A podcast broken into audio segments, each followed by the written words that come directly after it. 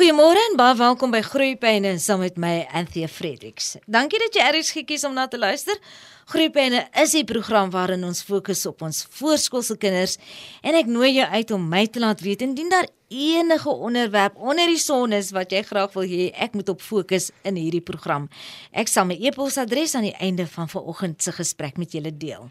Nou verlede week het ek gesels met dieetkundige Ronel Bekes verbonde aan die afdeling menslike voeding by die Universiteit van Stellenbosch se mediese gesondheidswetenskappe fakulteit. Ons het gepraat oor die departement van gesondheid se pad na gesondheid boekie en het toe verlede week beloof dat ons hierdie week sal fokus op vetsig onder ons jong kinders.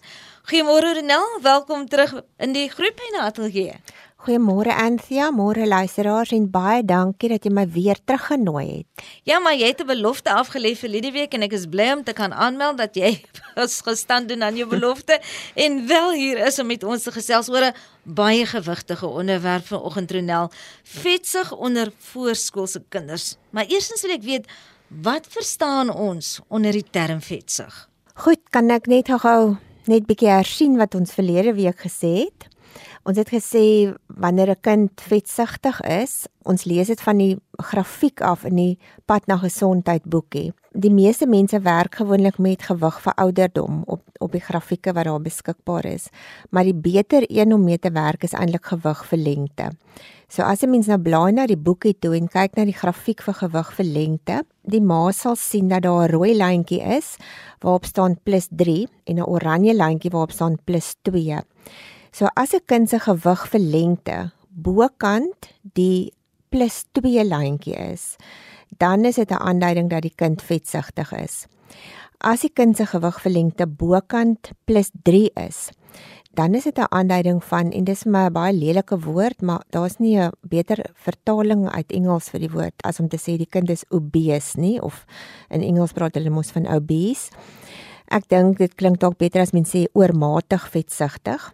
Dit is die grafiek waarmee ons werk. Ons werk met gewig vir lengte om te kyk of 'n kind oorgewig of vetsigtig is.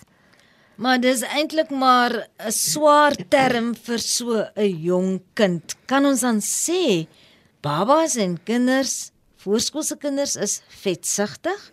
Ja, ongelukkig is die probleem groter as wat 'n mens dink. Die statistiek wat ons beskikbaar het in Suid-Afrika, nou dit is gebaseer op studies wat hierso omtrent 2016 gepubliseer is. Ons het nog nie weer onlangs 'n nasionale data daarop nie.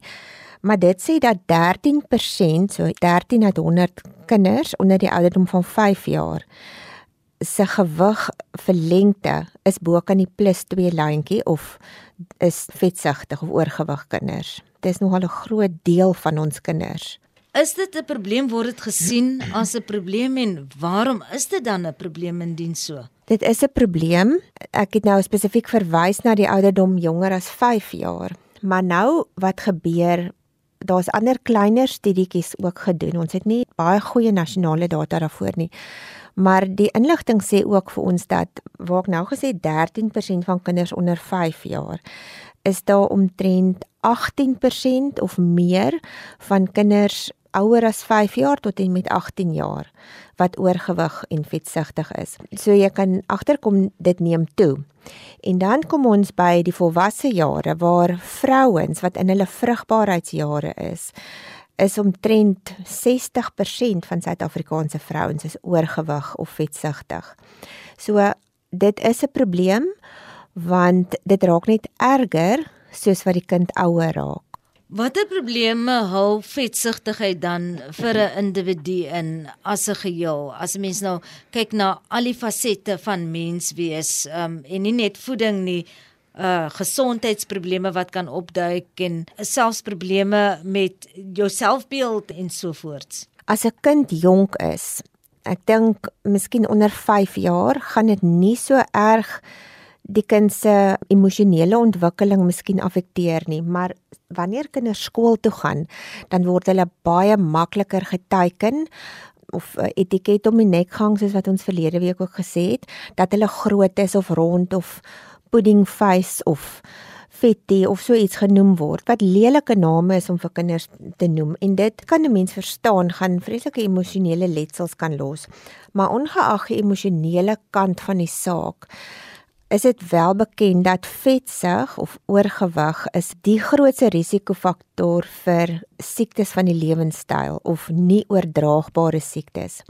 En dit is nou ongelukkig, mens besef nie wanneer jou kind klein is dat oorgewig gaan nou of kan in die later jare lei tot hoë bloeddruk, diabetes, kardiovaskulêre siektes, hoë cholesterol. 'n Mens bring nie daai twee goed bymekaar nie dis op die lang termyn wat dit eintlik eers die gevolge wys. Maar wanneer daai diagnose eers gemaak word in later jare, dan is dit te laat. Dan is die skade reeds gedoen. Vir die ouer generasie en veral in gemeenskap wat ek in groot geword het, 'n baba wat oorgewig is of 'n baba wat vet is, 'n Peter wat vet is en rolletjies het, die word beskou as 'n kind na wie daar goed gekyk word die kind word goed versorg en die kind eet en en dis 'n belangrike aspek. Ja, Anthea, dis waar. Mense sê al spottenerwys baie keer dat die kind is in 'n goeie kondisie en dan weet ons dit waarna dit eintlik verwys. Ek wil net terugkom ook daarna dat wat ek gesê dat oorgewig en vetsug wat lei tot nie oordraagbare siektes. Ek het 'n bietjie gaan oplees oor wat is die redes vir sterfte in Suid-Afrika baie van die ouer mense wat doodgaan en dit is amper die nommer 1 rede vir sterfte is kardiovaskulêre siektes. So dit is 'n ernstige probleem en 'n baba of 'n kind wat in 'n goeie kondisie lyk, lyk miskien goeie kondisie, maar later jare gaan dit nie meer so goed wees nie. So ja, om terug te kom na nalat mense sien dit as 'n goeie ding. Dit is in, in verskillende kulture word dit ook gesien as 'n teken van welstand as iemand bietjie meer kurwes het of oorgewig is. Daar is baie sosiale norme en kulturele norme wat dit eintlik 'n bietjie moeiliker maak om hierdie groot probleem aan te spreek. Want 'n mens moet eers kyk na wat is wat is die geloof of wat is normaal vir die kultuur? Is dit normaal in daardie kultuur, maar is dit ook gesond? So mens moet baie keer maar 'n bietjie probeer om kulturele norme te probeer skuif, wat natuurlik 'n baie sensitiewe saak is. Heel dikwels is die antwoord: "Ag, moenie te bekommerd wees oor jou baba nie. Hulle gaan dit ontgroei man, hulle gaan ouer word en al daardie baba vet afskud." Dit gebeur baie keer, maar dit gebeur nie altyd nie soos wat ek vir jou gesê die statistiek wys vir ons dat kinders raak eintlik meer oorgewig hoe ouer hulle raak. En as mens wonder oor wat is die rede daarvoor? Hoekom is dit dat party kinders oorgewig is en ander nie?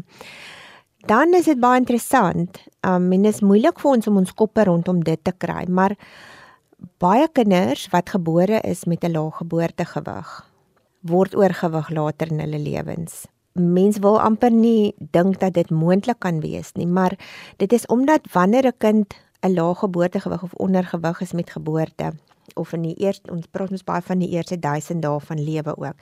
So wanneer 'n kind ondergewig of ondervoed is in daardie tyd, dan is daar verskillende intervensies wat ons probeer toepas om die kinders te help om vinniger en meer gewig op te tel. Maar hulle groei ook verskriklik vinnig in die eerste 2 jare van lewe. En wanneer hulle dan nou ouer raak, groei hulle bietjie stadiger, maar baie van die gewoontes wat hulle aangeleer het in die eerste 2 jaar is nog steeds in plek. So dan eet hulle nog steeds verskriklik vinnig om hulle groei te probeer inhaal, maar hulle het dit eintlik al ingehaal. En dis dan wat hulle oorgewig raak. So dis 'n dilemma waarmee ons sit. Ons gaan nou maar gesels oor hoe spreek ons hierdie probleem aan. Dis my gas vanoggend in die ateljee, dieetkundige Ronel Beke, sy is verbonde aan die afdeling menslike voeding by die Universiteit van Stellenbosch se Mediese Gesondheidswetenskappe fakulteit. Soos jy kan hoor, ons gesels oor vetsug met betrekking tot ons voorskoolse kinders.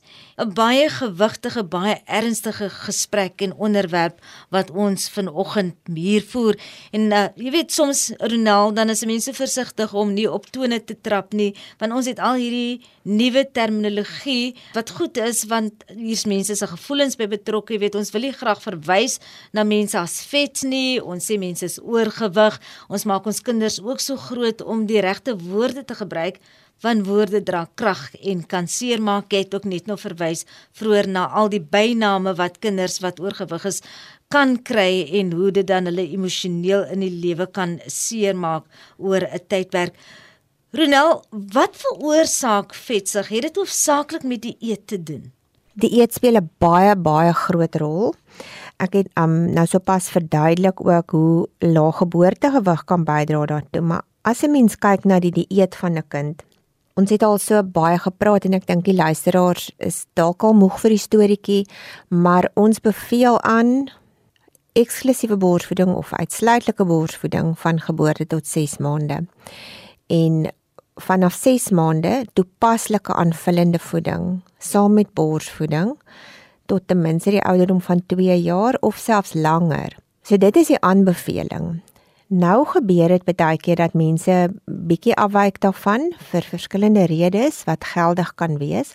Maar daar is gevind dat babas wat op kommersiële baba melkformule is, wat dit gebruik, dat hulle heel dikwels meer melk drink as wat nodig is en die navorsing is beskikbaar wat vir ons wys dat kinders wat op baba melkformule is, is meer geneig tot vetsug as babas wat geborsvoed word.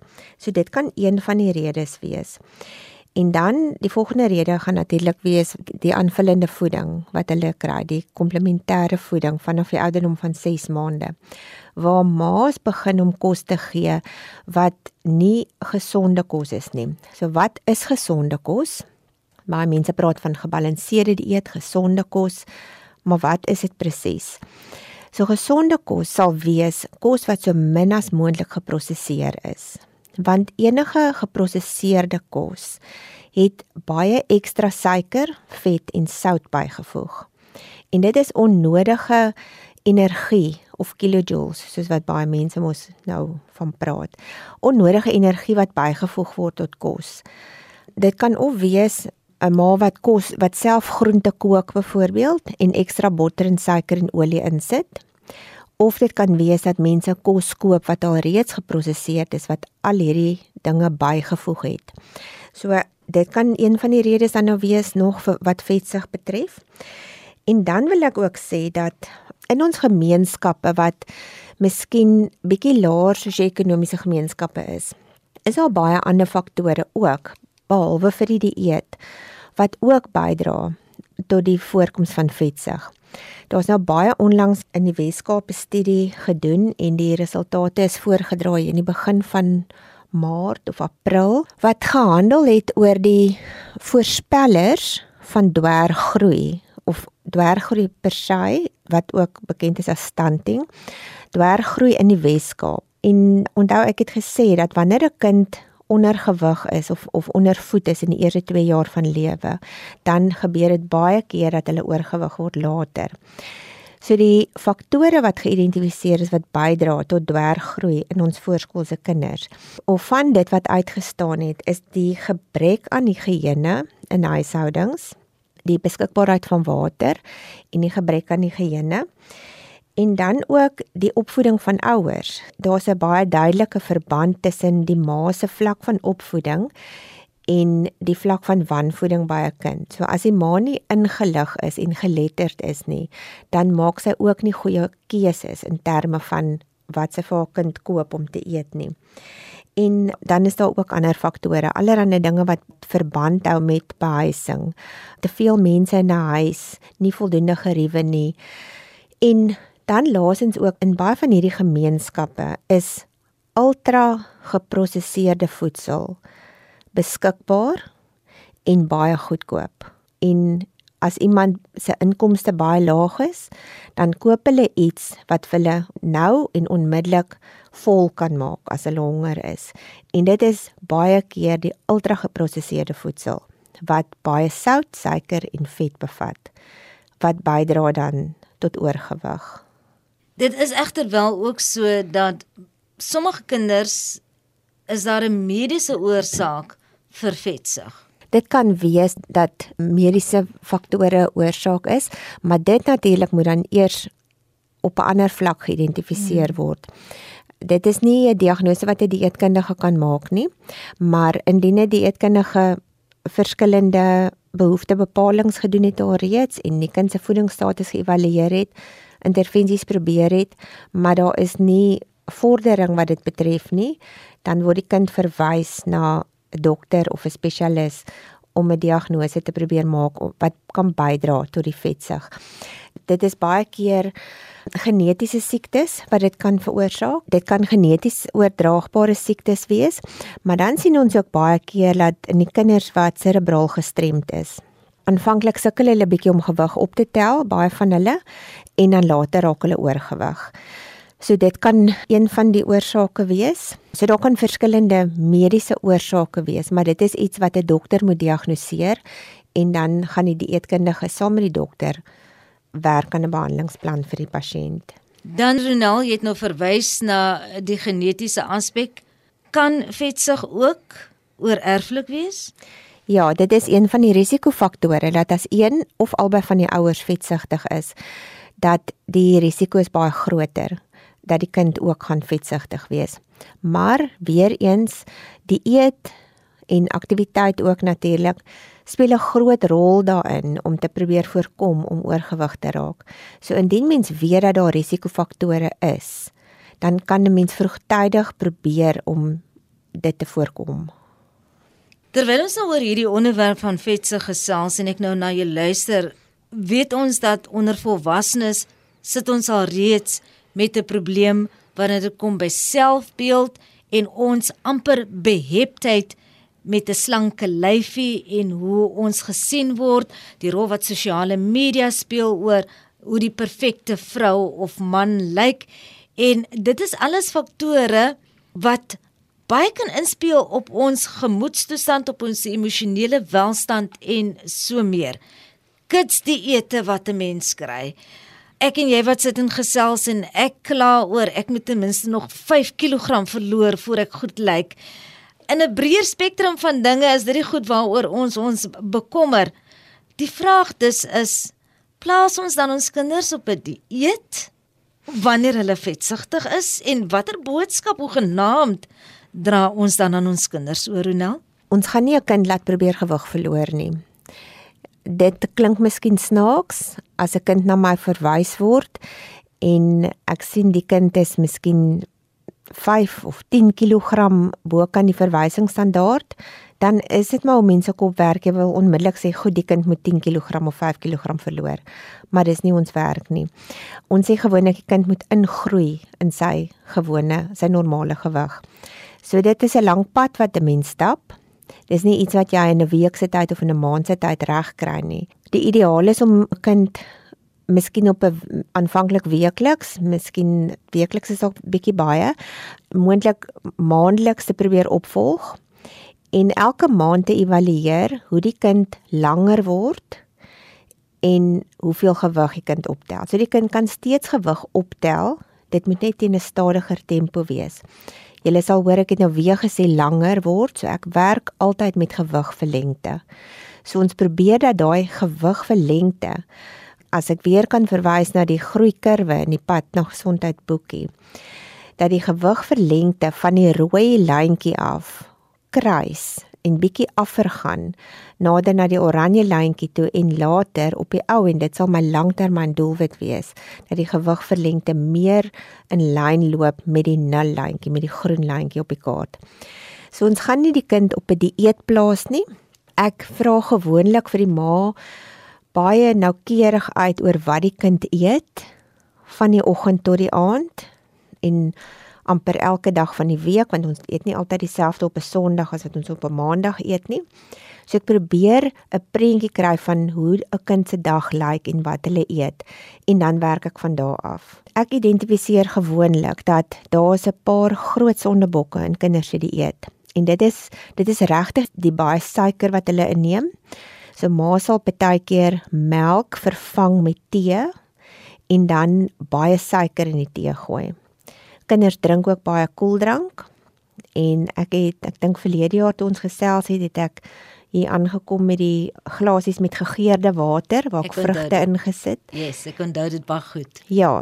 So ma sal baie keer baie koeldrank vir kinders gee of hulle gee vir hulle ontbytgraan met baie suiker of hulle sit konfyt op die brood want dit is vir baie mense is dit die mees bekostigbare ding om op brood te sit. Maas gee partykeer baie suiker in die dieet. So as mens net dit alleen al wegneem, dan behoort dit al 'n groot verskil te maak. En dan behalwe vir die suiker ook baie ander peselgoedjies wat die kinders tussenin eet is eet. Hierdie goedkoop pakkies skyfies wat sommer op elke hoek te koop aangebied word vir 'n rand of 'n 50 sent. En dit is van hierdie ultra geproseserde kos wat ek nou verwys het nou, nou wat beskikbaar is in laer sosio-ekonomiese gemeenskappe wat mense kan bekostig, maar dit is glad nie goeie keuses om te gee nie. So ons werk maar net met die basiese gesonde kos, groente, vrugte, pap, aartappels, vleis, eiers, hoender, al die gewone kosse wat so min as moontlik geprosesseer is. Ek dink dit is wanneer 'n mens dan op praat van daardie tipe intervensie, is dit makliker om te doen omdat die kleintjies nog so klein is as wanneer hulle ouer word en al bepaalde voorkeure het vir kos en wat vir hulle lekker proe en wat nie vir hulle lekker proe nie en so aan. So gouer en hoe vroeër ons dan 'n gesonde of 'n gebalanseerde eetprogram aan ons kinders voorlê, hoe beter. Ronel jy het vroeër gesê dat vetsig is aan die toeneem en uh, ons het gepraat oor wat die redes daarvoor kan wees. Jy het nou gesê oor hoe gemaak indien dit wel die geval is. Is daar lig aan die einde van die tonnel? Daar is lig aan die einde van die tonnel want ons navorsing wys ook dat hierdie 13% van kinders onder 5 jaar wat vetsigtig is, is nie besig om toe te neem nie dit staan stil. Ons sal graag wil sien dat dit minder raak, maar dit staan soort van stil op die oomblik. Wat eintlik 'n goeie teken is al klaar, maar dit is nog nie goed genoeg nie. Ek kan ook sê dat ons regering werk baie hard daaraan om te probeer om ons mense meer gesond te laat wees en te lewe. En daar is 'n hele paar goed alreeds gedoen mense is dalk nie altyd bewus daarvan nie, maar dit is dinge wat die regering in plek gesit het en die beplanning daarvan het oor jare gekom en daar's baie riglyne wat gepubliseer word, konsepwetgewing wat gepubliseer word, baie mense kan kommentaar lewer daarop en dan word dit later geïmplementeer. Daar's natuurlik baie wat nog gedoen kan word. Maar een van die goed wat ons in Suid-Afrika het, is die Suid-Afrikaanse voedselgebaseerde dieetriglyne wat ons gebruik om mense mee te leer hoe om die regte keuses te maak. En dit is 'n stel van 11 riglyne wat vir ons sê wat jy moet eet en tot 'n mate ook amper hoeveel daarvan jy moet eet. Dit is nou ongelukkig net beskikbaar vir volwassenes. Daar is riglyne vir kinders beskikbaar, maar dit is nog nie finaal goedgekeur nie, maar ons werk redelik baie daarmee ook. So dit is beskikbaar. En dan behalwe vir die voedselgebaseerde dieetriglyne is daar ook die suikerbelasting of die gesondheidsbevordering levy wat eintlik die naam daarvan is waar maatskappye wanneer hulle meer as 'n sekere hoeveelheid suiker per 100 ml in 'n drankie het, dan moet hulle ekstra belasting betaal daarvoor. So dit is volgens wet verpligtend en dit het al reeds daartoe gelei dat baie van die drankies wat op op die rakke is, het minder suiker in. Ongelukkig het die navorsing ook gewys dat mense nog nie hulle gewoontes so goed verander het wat dit betref nie. Die wetgewing is daar, maar die mense, die publiek het nog nie die goeie keuses gemaak soos wat ons graag sou wou gesien het nie. Ons het ook al wetgewing wat sê dat daar minder sout in kos moet wees, want sout, onthou sout hang ook baie saam met wat ek nou gepraat het van die ultra geproseserde kos. Wanneer iets baie sout in het, as jy nou dink, baie van daai produkte het ook baie vet in. Die minder sout wetgewing, dit is al in plek, maar ongelukkig kort ons nog bietjie wetgewing wat vir ons help dat daar minder vet in kos moet wees. Maar wat ons moet onthou ook met ons kinders, veral ons praat mos nou oor groeipyn, oor voorskoolse kinders is dat ons moet ons praat van reaktiewe voeding of in Engels noem ons dit responsive feeding. En dit behels dat wanneer jy vir jou kind kos gee, dit is 'n aktiwiteit wat deel is van die kind se ontwikkeling. So dis nie iets van dat jy jou kind voor die televisie sit met 'n bakkie kos en daar gaan jy stofsuig of gaan hang die wasgoed op of doen iets verder nie. Voedingstyd of etenstyd moet 'n tyd wees van interaksie tussen die ma en die kind. So mens gebruik daardie tyd om met jou kind te kommunikeer, om vir hulle dinge te leer, tel die hoeveelheid ertjies, sê dit is groen, sê dit is rooi. Mens gebruik dit so, maar die ma leer ken ook wanneer sy haar kind so voer, leer ken sy ook haar kind se gewoontes. So sy sal weet wanneer haar kind genoeg gehad het om te eet en sy gaan nie aanhou probeer totdat die bakkie leeg is nie, maar sy sal sien wanneer het haar kind regtig genoeg gehad en wanneer sy kan stop. En so gesels my gas vanoggend hier in Groepyne, dieetkundige Renel Bekes, verbonde aan die afdeling menslike voeding by die Universiteit van Stellenbosch se Mediese Gesondheidswetenskappe fakulteit. Ek wil ook namens jou die luisteraars uitnooi om asseblief vir jou versoeke te stuur um oor wat hulle graag meer sal wil weet want ystertekort is definitief ook een van die groot probleme en dan het ons natuurlik ook omtrent 1 uit 3 van die kinders in Suid-Afrika het 'n Vitamiin A tekort. So baie baie dankie dat jy nou dit ook noem Ronel want in die begin van ons gesprek het ek gesê as daar 'n onderwerp is luisterers wat jy graag wil hê ons moet aanraak. En dan meer spesifiek ook rondom die veld waarin Ronel werk en jy dink uh, dit is iets wat ons in ons volgende gesprek ook kan aanraak. Laat weet asseblief vir my.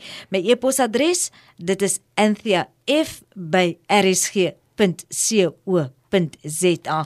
Jy kan vanoggend se gesprek later vandag aflaai van ons webtuiste rsg.co.za en jy kan dit wyd en sy deel. Renel Bekes dieetkundige baie dankie vir 'n baie insiggewende gesprek weer eens vanoggend hier op Groepyne. Baie dankie Anthea, en soos gewoonlik was dit baie lekker om met jou te gesels vandag. Altyd lekker van my kant af ook. Nou ja, daarmee het groetheid aangebreek. Onthou ons afspraak volgende week dieselfde tyd, dieselfde plek. Van my Anthea Fredericks. Mooi bly. Tot dan.